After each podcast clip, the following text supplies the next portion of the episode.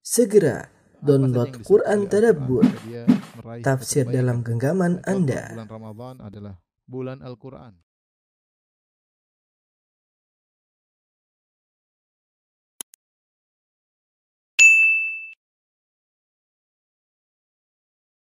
Bismillahirrahmanirrahim. Assalamualaikum warahmatullahi wabarakatuh. Alhamdulillahi ala ihsani wa syukru lahu ala taufiqihi wa amtinani wa asyhadu an la ilaha illallah wahdahu la syarika lahu ta'ziman li sya'ni wa asyhadu anna Muhammadan abduhu wa rasuluhu da'ila ridwani Allahumma salli alaihi wa ala alihi wa ashabihi wa ikhwani. Uh, jamaah yang dirahmati Allah Subhanahu wa taala, Majelis Taklim Qalbun Salim yang dimuliakan oleh Allah Subhanahu wa taala. Kita masih dalam bahasan bab al-yaqin wa tawakkul. Itu bab tentang yakin dan tawakal. Dan pada pertemuan sebelumnya telah kita bahas tentang ayat-ayat yang menjelaskan tawakal. Maka pada kesempatan kali ini kita akan bahas tentang hadis-hadis yang dibawakan oleh Imam Nawawi rahimahullahu taala yang terkait dengan tawakal. Tentunya kita akan mensyarah dengan singkat uh, terkait dengan maudhi'u syahid ya tentang sisi pendalilannya kenapa dibawakan dalam uh, bab tawakal ini. Kata Al-Imam Nawawi rahimahullahu taala uh, wa ammal ahadits adapun hadis-hadis tentang tawakal uh, yang pertama fal awal an Ibni Abbas radhiyallahu anhuma dari sahabat Ibnu Abbas radhiyallahu anhuma qala beliau berkata qala Rasulullah sallallahu alaihi wasallam Rasulullah sallallahu bersabda Uridat alayya al-umamu fara'aitu an-nabiyya wa ma'ahu ruhaitu ruhaita ruhaitu.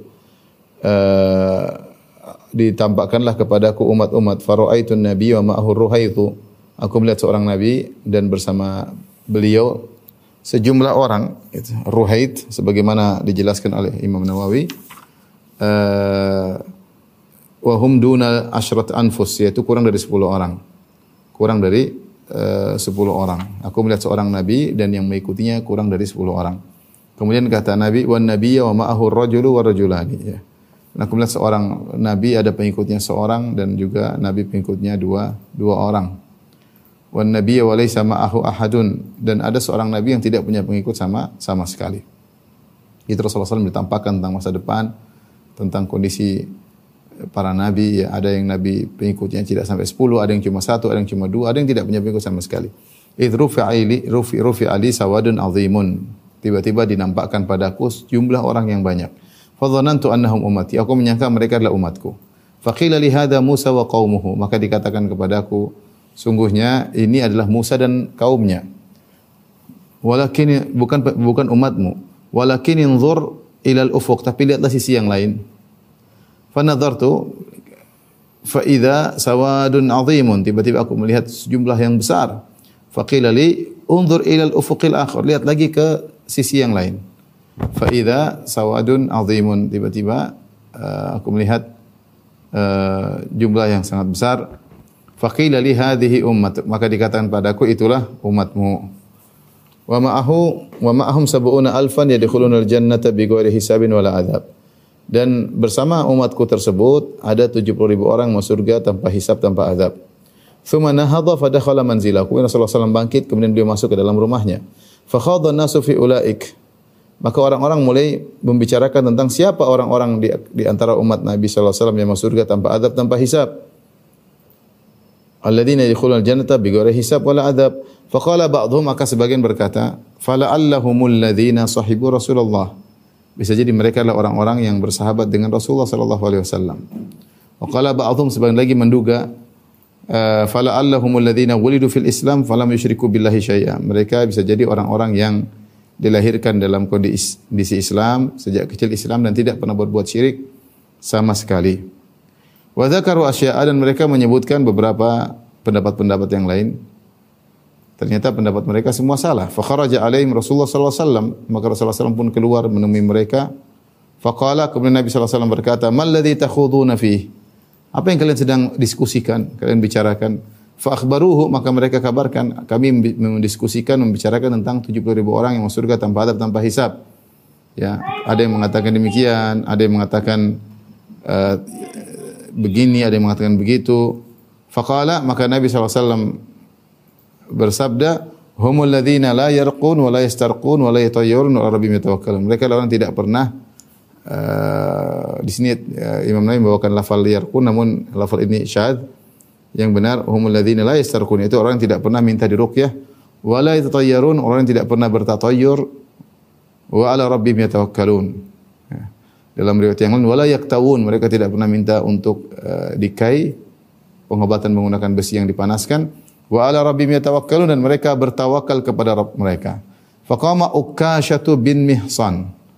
Berdirilah Ukashah. Ukashah ini bisa dibaca Ukashah tanpa tasydid, bisa dengan mentasydid huruf ka, kaf.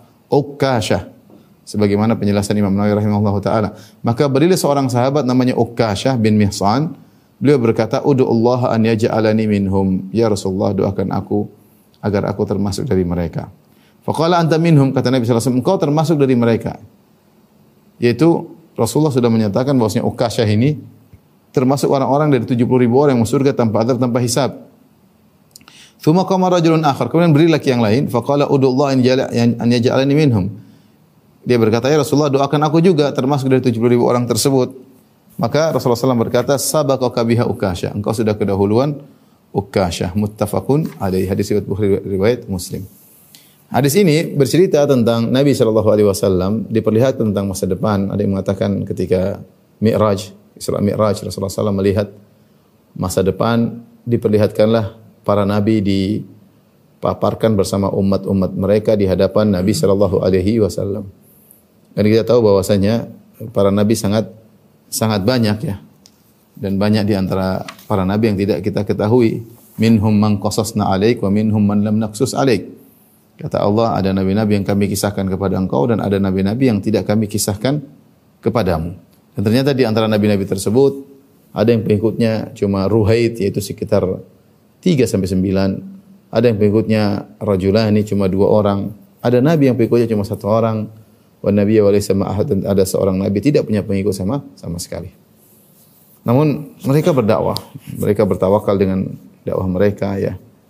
Eh, dan tidak dikatakan mereka gagal ya para nabi tersebut karena mereka telah berdakwah sesuai dengan yang diinginkan oleh Allah Subhanahu wa taala. Masalah hidayah di tangan Allah Subhanahu wa taala. Kemudian Nabi SAW melihat dinampakkan pada Nabi sekelompok orang yang banyak. Nabi menyangka itu umatnya, ternyata itu umatnya Nabi Musa alaihissalam. Karena kita tahu bosnya Nabi yang umatnya paling banyak setelah Nabi Muhammad SAW adalah umat Nabi Musa alaihissalam. Kemudian dikatakan kepada Nabi, "Unzur ilal ufuq al-akhar." Lihatlah kepada sisi yang lain. Kemudian Rasulullah SAW melihat jumlah yang lebih banyak daripada sebelumnya. Faqila hadhihi ummatuk. Maka dikatakan inilah umat. Jadi umat Nabi sangat-sangat banyak. Umat Nabi yang paling banyak, umat para nabi yang paling banyak adalah umat Nabi Muhammad sallallahu alaihi wasallam. Dan di antara keistimewaan umat Nabi tersebut, umat Nabi sallallahu alaihi wasallam ada 70 ribu orang masuk surga tanpa adab dan tanpa hisab. Tanpa adab, tanpa hisab. Cuma 70 ribu. Maka Rasulullah SAW setelah menyampaikan kabar tersebut, beliau masuk ke rumahnya, para sahabat berdiskusi, siapa ini? Para sahabat kemudian menyebutkan ciri-ciri spesial yang menunjukkan keistimewaan seseorang. Ada yang mengatakan, Humul ladina sahibu Rasulullah SAW. Mereka adalah sahabat-sahabat Nabi. Yang dari awal di Mekah, itu kaum muhajirin, sahabat-sahabat yang berjuang bersama Nabi SAW. Mereka lah yang pantas masuk surga tanpa adab, tanpa hisab. Lagi pendapat, fala allahumul ladina wulidul fi Islam wa lam yusyriku billahi. Mungkin saja mereka adalah orang-orang yang sejak kecil Islam dan selama seumur hidup tidak pernah berbuat syirik. Ini orang istimewa. Jadi di mata para sahabat, orang-orang yang tidak pernah berbuat syirik itu orang yang istimewa. Maka para sahabat menganggap orang-orang inilah yang akan masuk surga tanpa adab dan tanpa hisab. Wa asya'a dan mereka menduga-duga mungkin ini, mungkin ini, mungkin ini. Ternyata Rasulullah SAW keluar dan Rasulullah mengatakan, apa yang kalian perbincangkan? Kata mereka, kami memperbincangkan orang-orang yang masuk surga tanpa adab tanpa hisab. Kami mengatakan ada yang mengatakan demikian, ada yang mengatakan demikian, demikian. Kata Nabi wasallam, Rasulullah menjelaskan sifat mereka yang sungguhnya humul ladzina la yastarqun wa la yaktawun wa la yatayyarun wa ala. Mereka adalah orang yang tidak pernah minta diruqyah, tidak pernah minta diobati dengan besi yang dipanaskan, tidak pernah bertatoyur dan mereka bertawakal kepada Rabb mereka. Ternyata di antara keistimewaan orang-orang yang bertawakal kepada Allah dengan tawakal yang benar, maka mereka akan masuk surga tanpa adab dan tanpa hisab. Kalau kita perhatikan empat ciri ini, yang pertama tidak minta rukyah, yang kedua tidak minta diobati dengan besi yang dipanaskan, yang ketiga tidak bertatayur, tidak mengkaitkan ofisial dengan apa yang dilihat, didengar, dan mereka bertawakal. Tiga ini sebenarnya ini adalah tawakal dan Allah menyebutkan yang terakhir wa ala rabbi metawakkalu dan mereka bertawakal kepada Rabb mereka. Ini seperti sifat kesimpulan.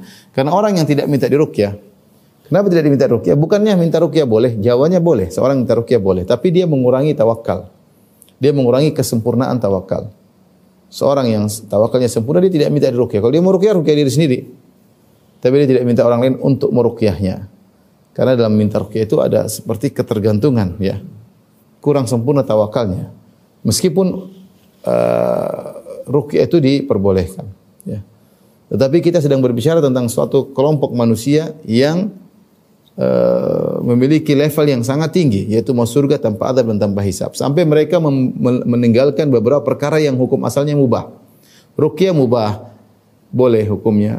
Minta rukyah mubah, boleh. Dikai juga mubah. Ada yang mengatakan makruh, tapi makruh masih dalam golongan mubah. Masih boleh. Ya. Tetapi mereka sengaja meninggalkan ini semua, termasuk meninggalkan minta untuk rukyah, meskipun hukumnya boleh karena kesempurnaan tawakal mereka. Ini mereka orang spesial. Yang kedua, wala tahun mereka tidak pernah minta untuk dikai. Dahulu orang-orang Arab jahiliyah, orang Arab dahulu menganggap kai adalah obat yang terakhir. Kalau semua orang orang sakit tidak ada obat, tidak ditemukan obatnya, biasanya kalau sudah dikai mudah sembuh. Sehingga dikatakan akhirud dawa al-kai uh, obat yang paling terakhir ada adalah al-kai dan biasanya kalau sudah di-kai biasanya sembuh. Nah, di sini Rasulullah SAW mengatakan mereka tidak pernah minta untuk diobati dengan cara kai. Kenapa? Karena sebagian orang ketika mau diobati dengan cara kai ada ada seperti penyandaran kepada kai tersebut. Ada seperti oh ya, pokoknya kalau obatnya ini aman seperti itu. Kalau obatnya kai, cara metode pengobatan kai sembuh. Orang mereka ini tidak mau seperti itu. Mereka meskipun berobat dengan kai boleh, minta untuk dikai dengan besi panas yang ditempelkan pada lokasi yang sakit ini boleh. Namun mereka mendahulukan untuk bertawakal menyempurnakan tawakal mereka sehingga mereka tidak minta untuk dikai. Lagi pula ada minta-minta. Ini ciri kedua. Pertama tidak minta rukyah, yang kedua tidak minta ditawakal, yang ketiga la tatayurun tidak pernah bertatayur. Dan tatayur juga menunjukkan sempurna tawakal kepada Allah. Kenapa tatayur itu apa? Tatayur itu mengkaitkan keputusan dengan apa yang didengar, atau menganggap nasib sial dengan apa yang didengar dan apa yang dilihat. Asalnya orang-orang Arab jahiliyah dahulu kalau mereka tidak bersafar, mereka pergi kepada suatu burung tertentu, kemudian mereka usir. Kalau burungnya terbang ke kanan, maka mereka melanjutkan perjalanan. Kalau burungnya terbang ke kiri, mereka batalkan safar mereka. Sehingga mereka menggantungkan nasib mereka kepada burung, bukan kepada Allah Subhanahu wa taala. Ya, sehingga kalau mereka lagi ngusir burung, burungnya ke kiri, ya tasya'am. Mereka bilang ini ini jelek ini, enggak usah safar. Seperti itu. Ya, di antara mereka ada yang sebagaimana dijelaskan menjadikan keputusan kepada suara burung tertentu ya. Suara burung gagak, tak, mereka lah kalau burung ini berarti menunjukkan kesialan. Dan ini namanya uh, tatayur, mengkaitkan nasib sial, nasib sial dengan apa yang dilihat, apa yang didengar dengan angka tertentu dan ini di, di tanah air kita sangat sangat banyak orang bertatayur dengan angka 13, orang bertatayur dengan angka 4 ya. Banyak sekali sebagaimana kita pernah bahas dalam satu pertemuan khusus tentang tatayur. Di antara yang menajibkan saya kemarin sempat ke areal pantai, itu banyak orang bernelayan mencari ikan. Maka ada salah seorang ikhwan yang kerja sebagai nelayan, dia cerita di antara keyakinan uh, masyarakat terkait dengan tatayur di di di, di areal nelai, areal pantai, kalau seorang tidak pergi melaut maka tidak boleh disapa. Kalau disapa, maka mereka menganggap akan sial, ikan-ikan tidak akan dapat. Gara-gara disapa. Satu hari teman saya, teman kawan tersebut, dia hendak hendak mencari ikan. Kemudian ada orang lain juga hendak mencari ikan. Tapi teman saya ini sih ya, eh, sholat subuh terlebih dahulu, waktu itu mereka sudah mau pergi, dia nanti belakangan dia mau sholat subuh dahulu. Tapi dia sempat berkata, gimana Pak kabarnya pagi ini? Bapak itu ternyata tidak mau menjawab, tidak mau menjawab. Karena meyakini bahwasanya kalau orang mau pergi ke laut disapa itu mendatangkan kesialan.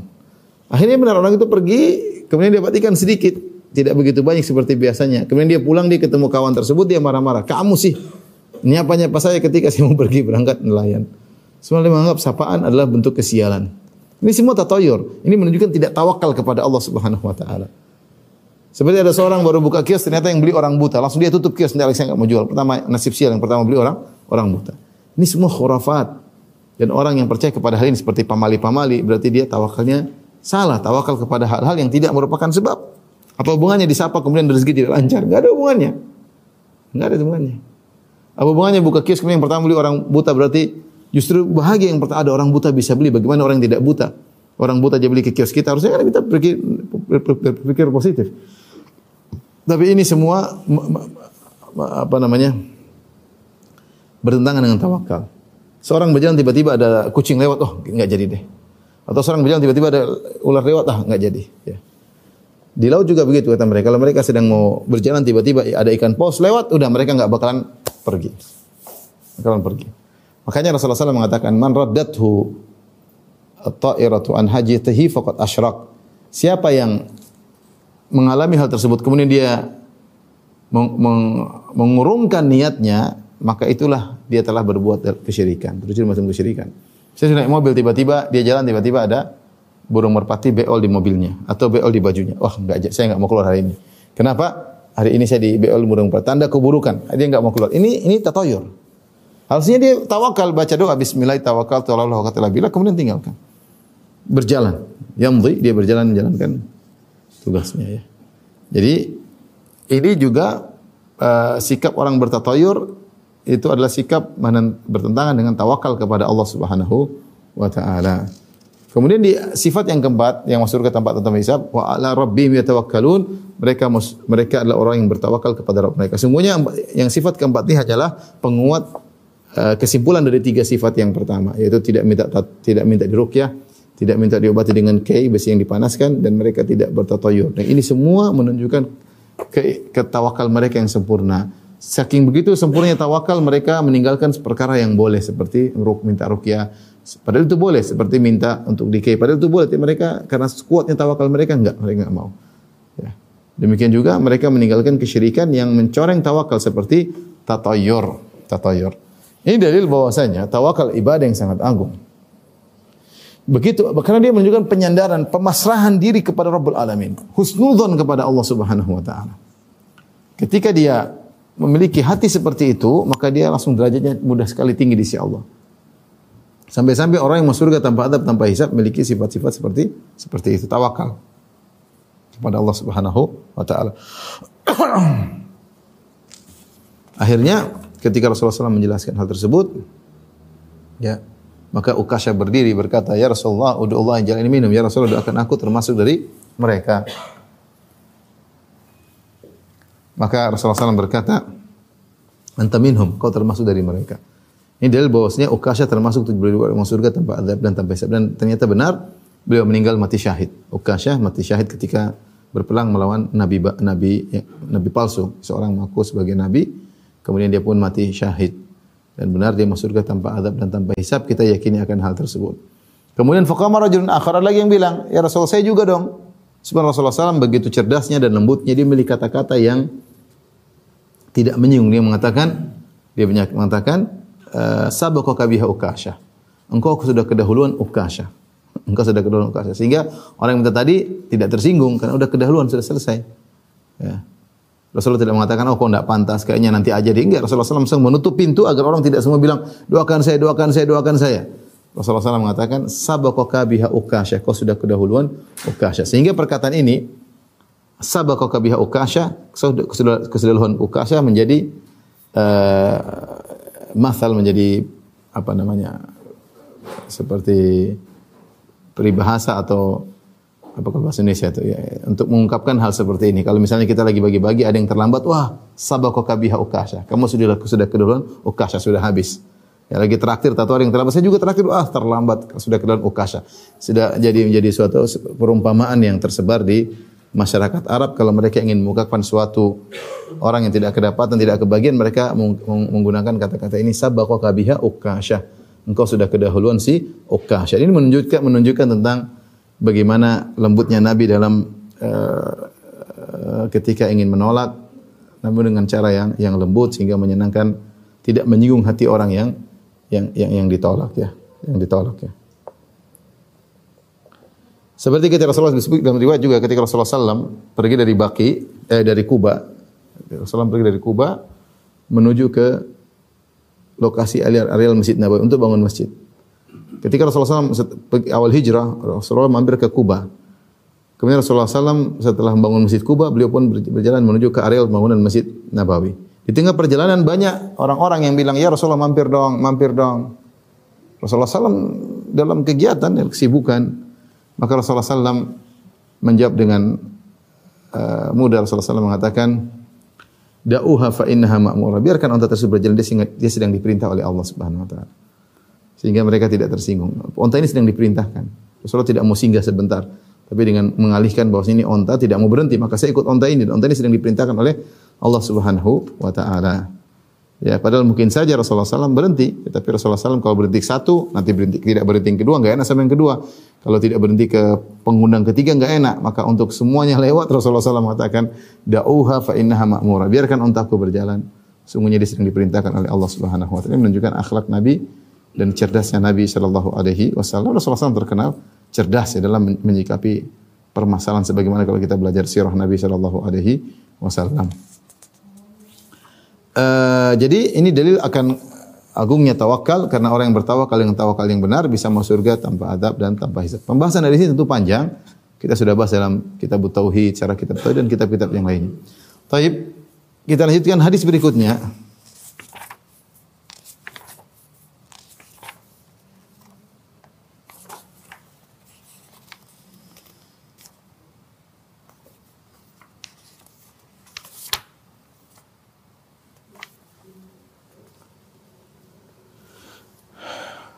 Di sini langsung hadis ketiga ya. Jadi terlewatkan.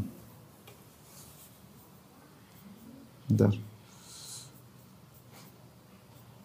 Di uh, cetakan Ridho Salihin yang bersama yang di depan saya Syekh Utsaimin tahu-tahu hadis ketiga ya.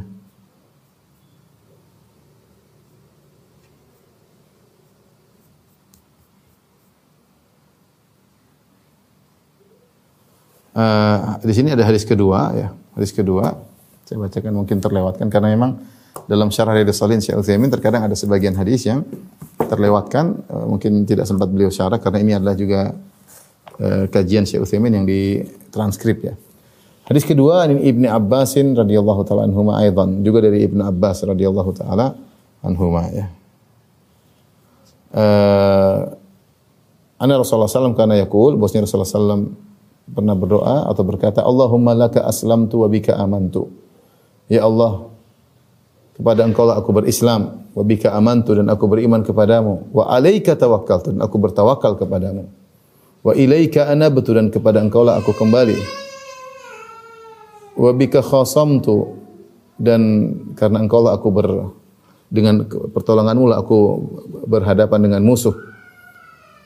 Allahumma a'udzu bi izzatika la ilaha illa anta. Ya Allah aku berlindung dengan keperkasaanmu ya. Sungguhnya tidak ada yang berhak disembah kecuali engkau. Antudillani agar engkau tidak menyesatkan aku. Antal hayyul ladzi la tamut. Dan engkau adalah yang maha hidup yang tidak bakalan mati. Wal jinnu wal insu yamutun. Sementara jin dan manusia akan mati. Hadza lafdhu muslim wa ikhtasarahu al-bukhari. Ini adalah hadis riwayat Sahih Bukhari dan Sahih Muslim tapi lafal yang disampaikan oleh Nawawi adalah lafalnya Imam Muslim. Uh, di sini Rasulullah SAW mengumumkan ya uh, tentang tawakalnya. Dia berkata, Allahumma laka aslamtu. Ya Allah aku berislam kepadamu. Itu aku menyerahkan urusanku kepadamu. Aku pasrah kepadamu. Pasrah dengan syariatmu.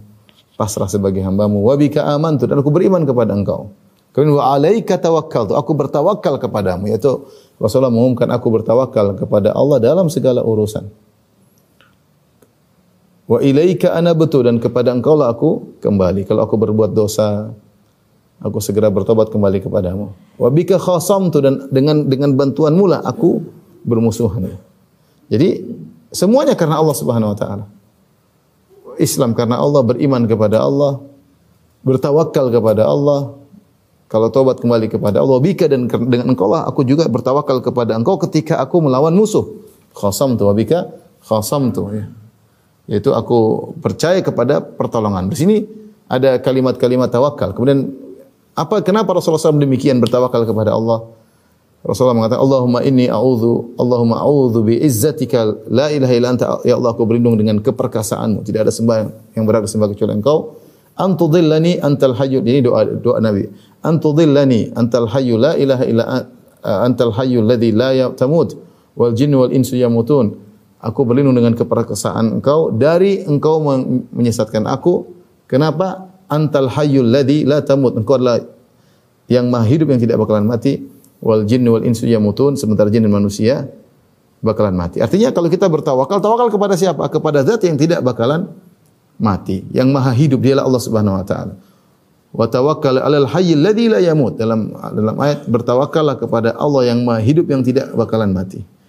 Wal jin wal insu yamutun kata Nabi adapun jin dan manusia bakalan mati. Kita oleh karena jangan bertawakal kepada yang bakalan mati. Karena sesuatu yang bakalan mati dia punya kekurangan. Kita boleh menjadikan hal itu sebagai sebab sebab dengan minta pertolongan kepada jin eh, kepada manusia ya, minta perlindungan kepada manusia ya. Eh, namun manusia bakalan mati. Tetap hati bersandar kepada zat yang tidak bakalan mati yaitu Allah Subhanahu wa taala, zat yang maha hidup. Ini hadis menjelaskan bagaimana tawakalnya Nabi sallallahu alaihi wasallam dalam eh, segala hal ya. Di mana beliau bersandar kepada Allah Subhanahu wa taala dan bagaimana eh, ketika ber, ber, bermusuhan dengan musuh pun beliau wabika khasamtu beliau uh, husnudzan kepada Allah dan bersandar kepada Allah Subhanahu wa taala sehingga doa ini ya Allah bika as, Allahumma laka aslamtu wa bika amantu wa alayka tawakkaltu wa ilaika anabna wa ilaika anabtu wa bika khasamtu. A'udzu bi izzatika. La ilaha illa anta. Ya. An tudillani antal hayyu alladzi la tamut wal jinnu wal insu yamutun. Ini doa yang yang, yang indah ya yang menunjukkan tawakal kepada Allah dan agar tidak disesatkan oleh Allah Subhanahu wa taala. Kita lanjutkan hadis yang ketiga ats-tsalits an Ibni Abbas radhiyallahu anhuma. Hadis yang ketiga juga dari Ibnu Abbas radhiyallahu taala anhuma. Qala Ibnu Abbas berkata, "Hasbunallahu wa ni'mal wakil." Cukuplah Allah bagi kami dan dia sebaik-baik tempat bersandar. Ni'mal wakil. Tempat kita bertawakal. Qala Ibrahim hina ulqiya finnar. Ucapan ini diucapkan oleh dua orang yang sangat mulia itu Ibrahim dan Nabi Muhammad sallallahu alaihi wasallam. Kata Ibnu Abbas, ucapan ini hasbunallah wa ni'mal wakil. Uh, cukuplah Allah bagi kami dan dia sebaik-baik tempat bertawakal. Diucapkan oleh Ibrahim alaihissalam hina ulqiya finar ketika dilemparkan di, di api. Wa qalaha Muhammadun hina qalu dan diucapkan juga oleh Muhammad sallallahu alaihi wasallam hina qalu ketika orang-orang berkata kepadanya inna nasa qad jama'u lakum fakhshawhum fazadahum imana wa qalu hasbunallahu ni'mal wakil.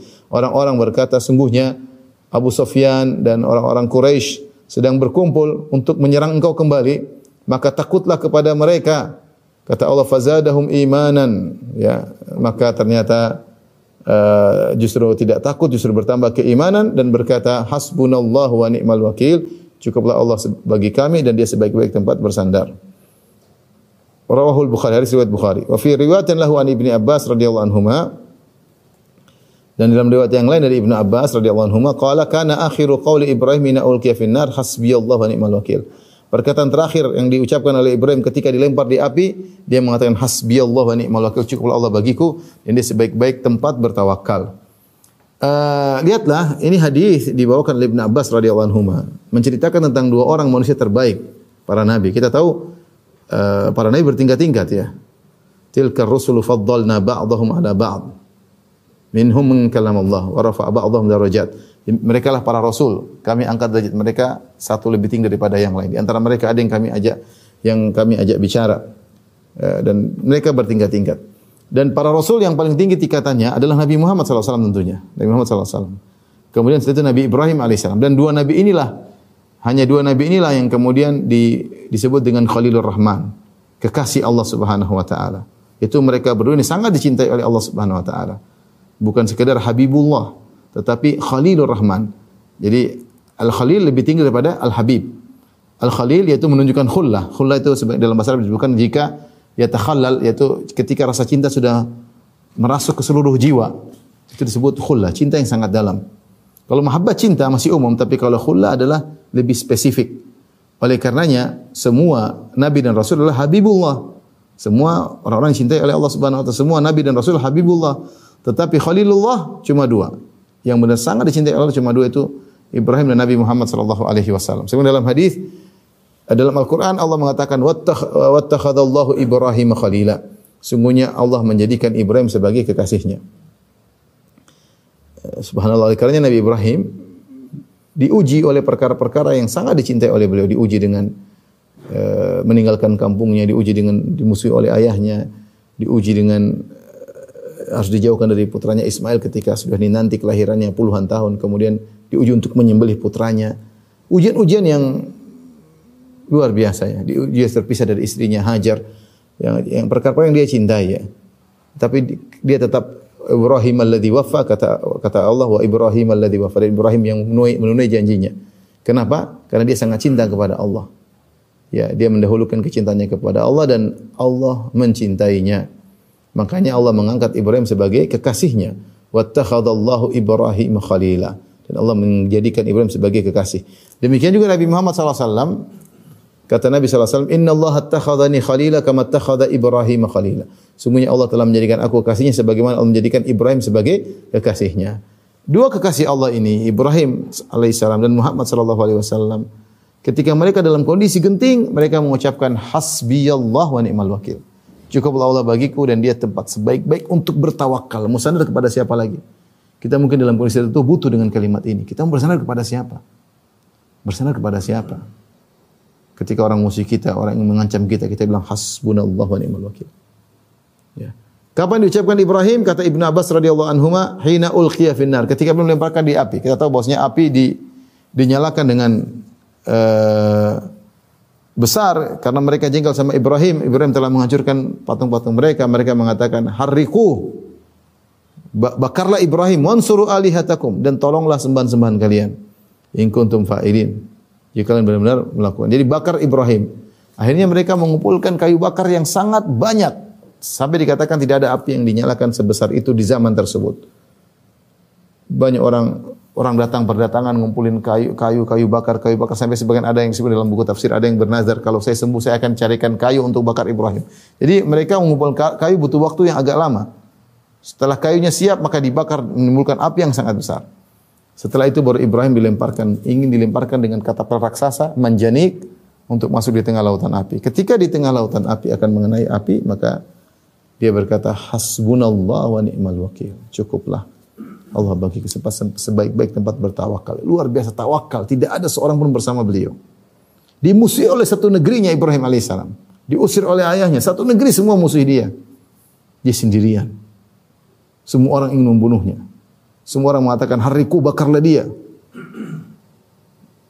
Dilemparkan ke tengah lautan, tidak ada penolong sama sekali mengatakan hasbunallah wa ni'mal wakil. Cukup Allah bagi sebaik-baik penolong. Mungkin banyak kita mengucapkan kalimat ini tapi tidak disertai dengan tawakal yang tinggi sehingga dampak dan hasilnya kurang. Ibrahim alaihissalam luar biasa. Dia mengucapkan hasbunallah wa ni'mal wakil. Akhirnya Allah mengatakan kulna ya narukuni bardan wa salaman ala Ibrahim. Wahai api jadilah jadilah engkau dingin dan keselamatan bagi Ibrahim. Di ketika dia mengucapkan dengan ucapan yang penuh dengan keyakinan maka dampaknya ada. Akhirnya Allah memerintahkan api yang tadinya membakar Ibrahim menjadi dingin dan penuh keselamatan. Ini yang pertama menunjukkan kalimat tawakal. Yang kedua diucapkan oleh Nabi Muhammad SAW ketika Nabi SAW setelah perang Uhud kaum musyrikin pulang menuju kota Mekah, Rasulullah SAW terluka dan para sahabat banyak terluka. Mereka pergi kota Madinah. Ternyata Abu Sufyan dan pasukannya yang sudah menuju kota Mekah di tengah jalan berbincang-bincang, kita ngapain pulang perang Uhud? Muhammad dan anak buahnya belum kita habisi. Bagaimana kalau kita serang lagi kedua kali? Akhirnya ada yang datang kepada Nabi, utusan mereka melaporkan dia Muhammad, sungguhnya orang-orang sedang berkumpul untuk menyerangmu kedua kali. Sementara Nabi dan para sahabat dalam kondisi terluka-luka. Di situlah mereka menakut-nakuti Nabi. Orang-orang Quraisy menganggap mereka akan datang balik menyerang Nabi SAW. Namun Nabi tidak takut kata Allah Subhanahu Wa Taala. Inna nasa qad jama'u lakum fakhshawhum fazadahum imanan wa qala hasbunallahu wa ni'mal wakil. Orang-orang menakut-nakuti Nabi SAW para sahabat tapi fakhsh, uh, dengan berkata fakhshawhum takutlah kepada Abu Sufyan dan teman-temannya pasukan yang banyak. Kata Allah fazadahum imanan. Namun ternyata uh, menakut-nakuti tersebut hanyalah menambah keimanan mereka. Nabi dan para sahabat tidak gentar mereka berjalan menuju ke Hamraul Asad. Mereka datang. Katanya menyerang, maka Nabi SAW datang ke situ menanti kedatangan Abu Sufyan teman-temannya. Wa qalu hasbunallahu wa ni'mal wakil dan mereka berkata cukup Allah bagi kami dan dia sebaik-baik tempat bertawakal. Jadi ini kalimat diucapkan seorang ketika dalam genting kita bisa mengucapkan hasbunallahu wa ni'mal wakil. Tapi ingat ucapannya harus bermutu, berkualitas agar ada dampaknya. Ada pun cuma hasbunallah wa ni'mal wakil. Tapi pikiran ke mana-mana dampaknya kurang. Kita ingin langsung connecting dengan Rabbul Alamin. Hasbunallah wa ni'mal wakil. Ucapkan dengan penuh kenyataan. Dengan penuh keyakinan bahwasanya Allah akan menolong. Itu tidak mudah. Tapi seorang berusaha untuk menanamkan uh, uh, kemantapan keyakinan ya agar uh, ditolong oleh Allah Subhanahu wa taala.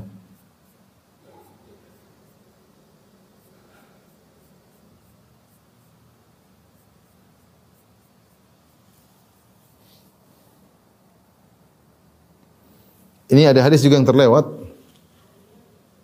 Hadis yang keempat ya. Hadis keempat sini Syekh Utsaimin langsung hadis keenam. Kita bacakan hadis. Keempat ya. Rabi an Abi Hurairah radhiyallahu anhu. Dari Abu Hurairah radhiyallahu anhu, anin Nabi sallallahu alaihi wasallam dari Nabi sallallahu alaihi wasallam beliau berkata, "Yadkhulul jannata aqwamun afidatuhum mithlu afidatit tayr." Ruah Muslim. Masuk ke dalam surga sekelompok orang yang hati mereka seperti hati burung. Seperti hati mereka seperti hati burung. Hadis riwayat Muslim. Di sini uh, Allah Subhanahu wa taala Nabi SAW memuji sekelompok orang yang masuk surga di antara sifat-sifat mereka hati mereka seperti seperti burung ya. Seperti para ulama menaf, menafsirkan kenapa mereka disebut hati mereka seperti hati burung. Karena hati burung memiliki beberapa uh, sifat ya. Disebutkan dalam buku-buku syarah hadis. Di antaranya uh, burung-burung memiliki sifat yakin dan tawakal yakin dan tawakal ya. Sebagaimana akan datang penjelasannya Kata Nabi sallallahu alaihi wasallam, "Lau annakum tawakkaltum 'ala Allahi haqqa tawakkulih la razaqakum kama yarzuqut tayr."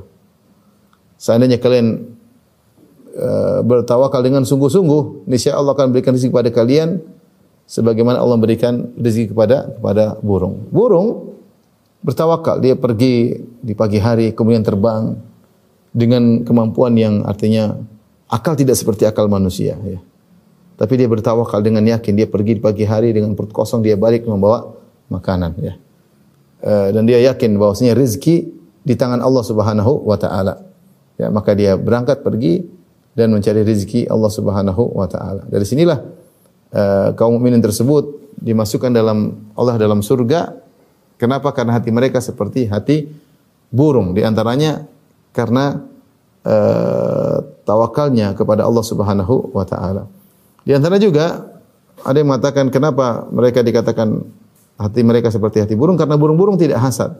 Burung-burung tidak saling hasad. Mereka terbang bareng-bareng masing mencari nafkah sendiri-sendiri. Mereka tadi tidak saling bertengkar di udara.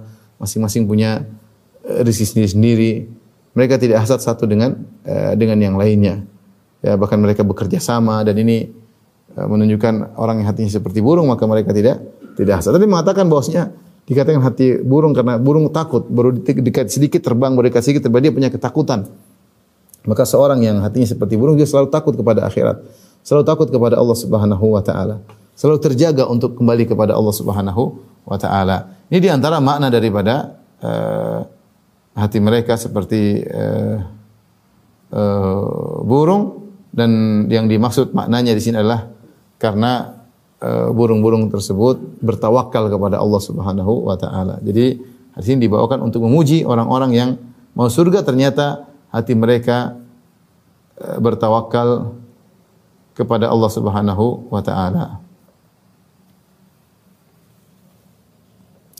Tapi hadis yang kelima di sini juga tidak dibangun Syekh Utsaimin kita bacakan hadis yang kelima ya. Uh, An Jabir radhiyallahu anhuma dari Jabir sahabat Jabir radhiyallahu anhu annahu ghaza ma'an Nabi sallallahu alaihi wasallam kibala Najdin. Kata Jabir, satu hari aku berkeluar berperang bersama Nabi sallallahu alaihi wasallam uh, ghazwah. Jadi dalam dalam peperangan Nabi sallallahu alaihi wasallam ada istilah ghazwah dan istilah sariyah. Kalau ghazwah itu Nabi ikut berangkat. Kalau sariyah itu Rasulullah SAW tidak ikut berangkat. Rasulullah hanya mengutus ada ada al-bu'uth, ada ada saraya, ada ba'thun, ada sariyah. Ba'thun sariyah jadi. Kalau sariyah pasukan agak banyak dikirim oleh Nabi untuk berperang. Tapi Nabi tidak ikut. Ba'thun pun demikian utusan. Nabi kirim utusan Nabi, tidak ikut. Tapi kalau goza, gozwa Rasulullah SAW ikut. Itu istilah di antara para ahli sirah. Jabir radhiyallahu anhu berkata annahu goza ma'an Nabi sallallahu alaihi wasallam. Beliau berperang gozwah bersama Nabi sallallahu alaihi wasallam. Najdin ke arah Najd. Najd itu sebelah timur kota Madinah ya. Kalau kita di peta timur eh, kota Madinah ke arah timur Najd ya. Sampai ke arah Riyadh, sampai arah Damam terus ya, itu namanya daerah timur. Kalau ke utara, ke utara arah Tabuk. Kalau ke selatan arah kota kota Mekah. Ya.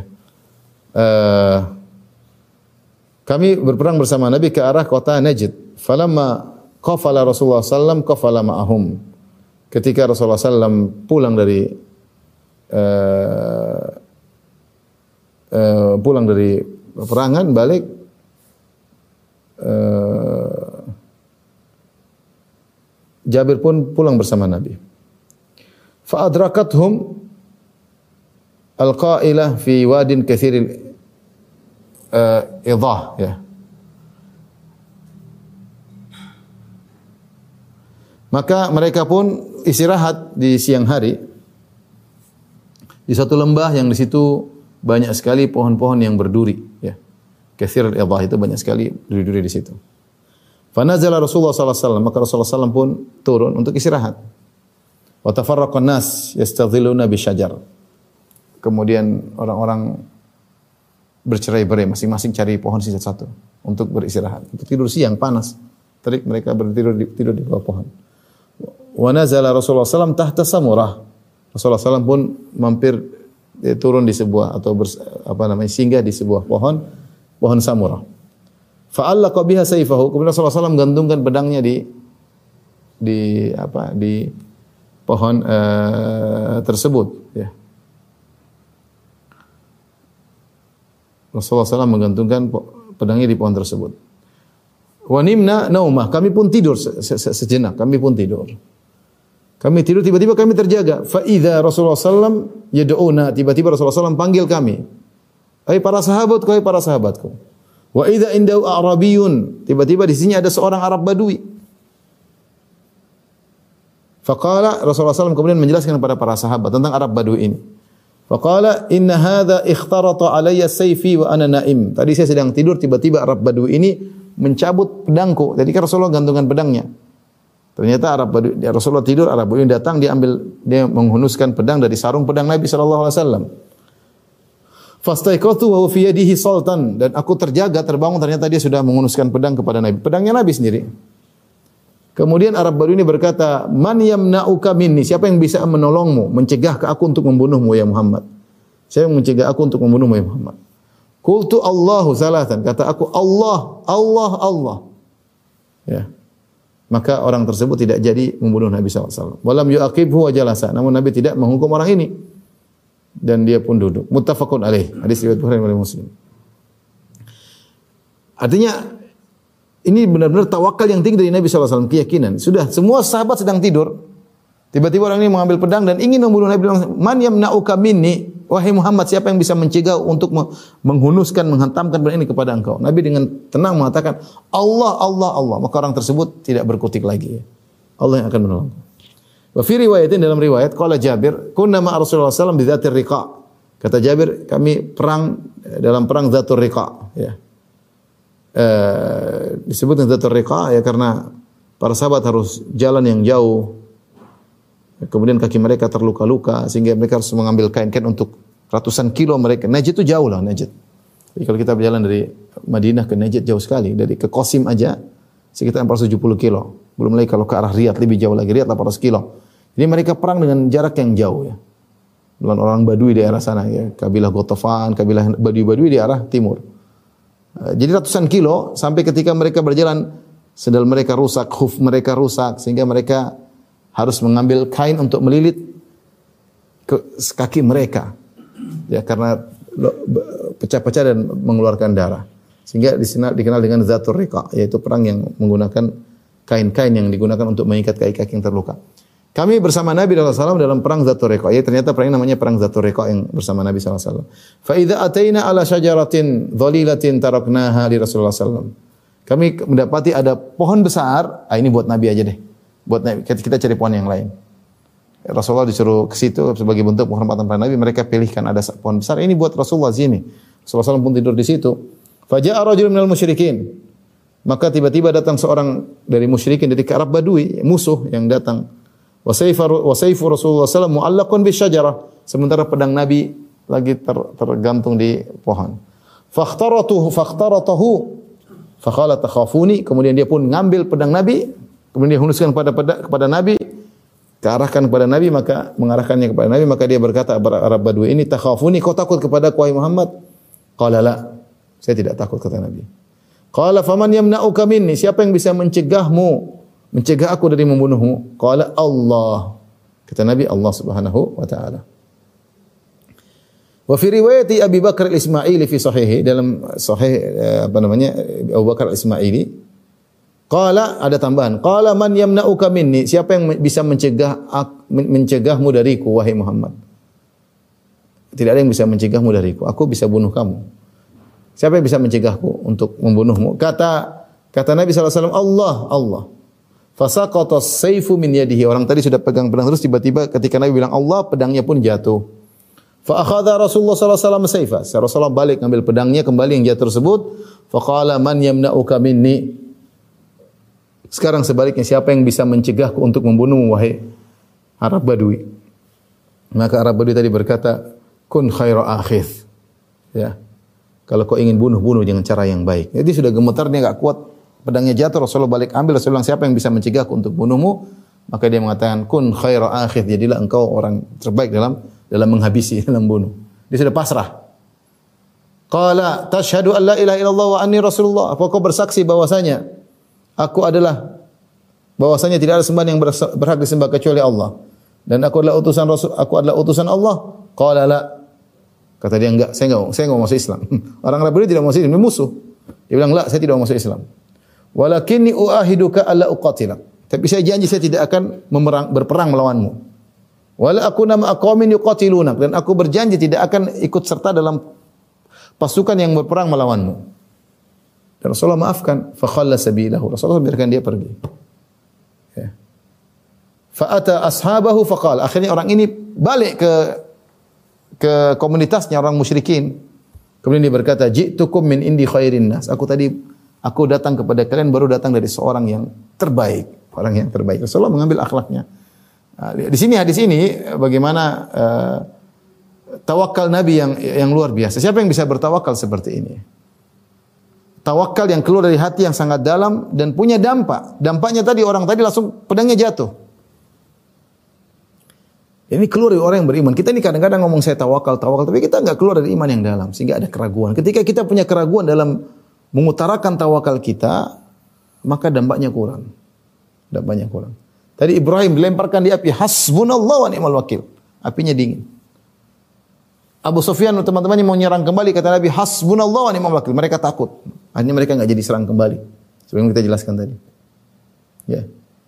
Nabi SAW ketika tanya oleh orang Arab, "Man yamna'uka minni?" Siapa yang bisa mencegah kau membunuhmu? Kata Nabi, "Allah." Dengan penuh tawakal.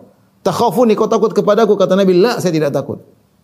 Siapa yang mencegahku untuk membunuhmu? Kata Nabi, "Allah." Maka jatuh pedangnya. Dampaknya luar biasa.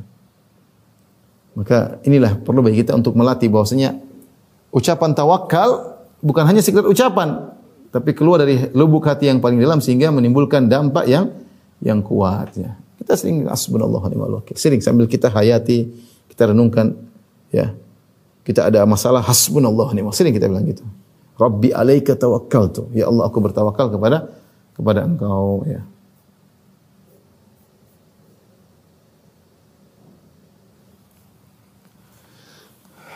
Baru kita masuk hadis yang keenam.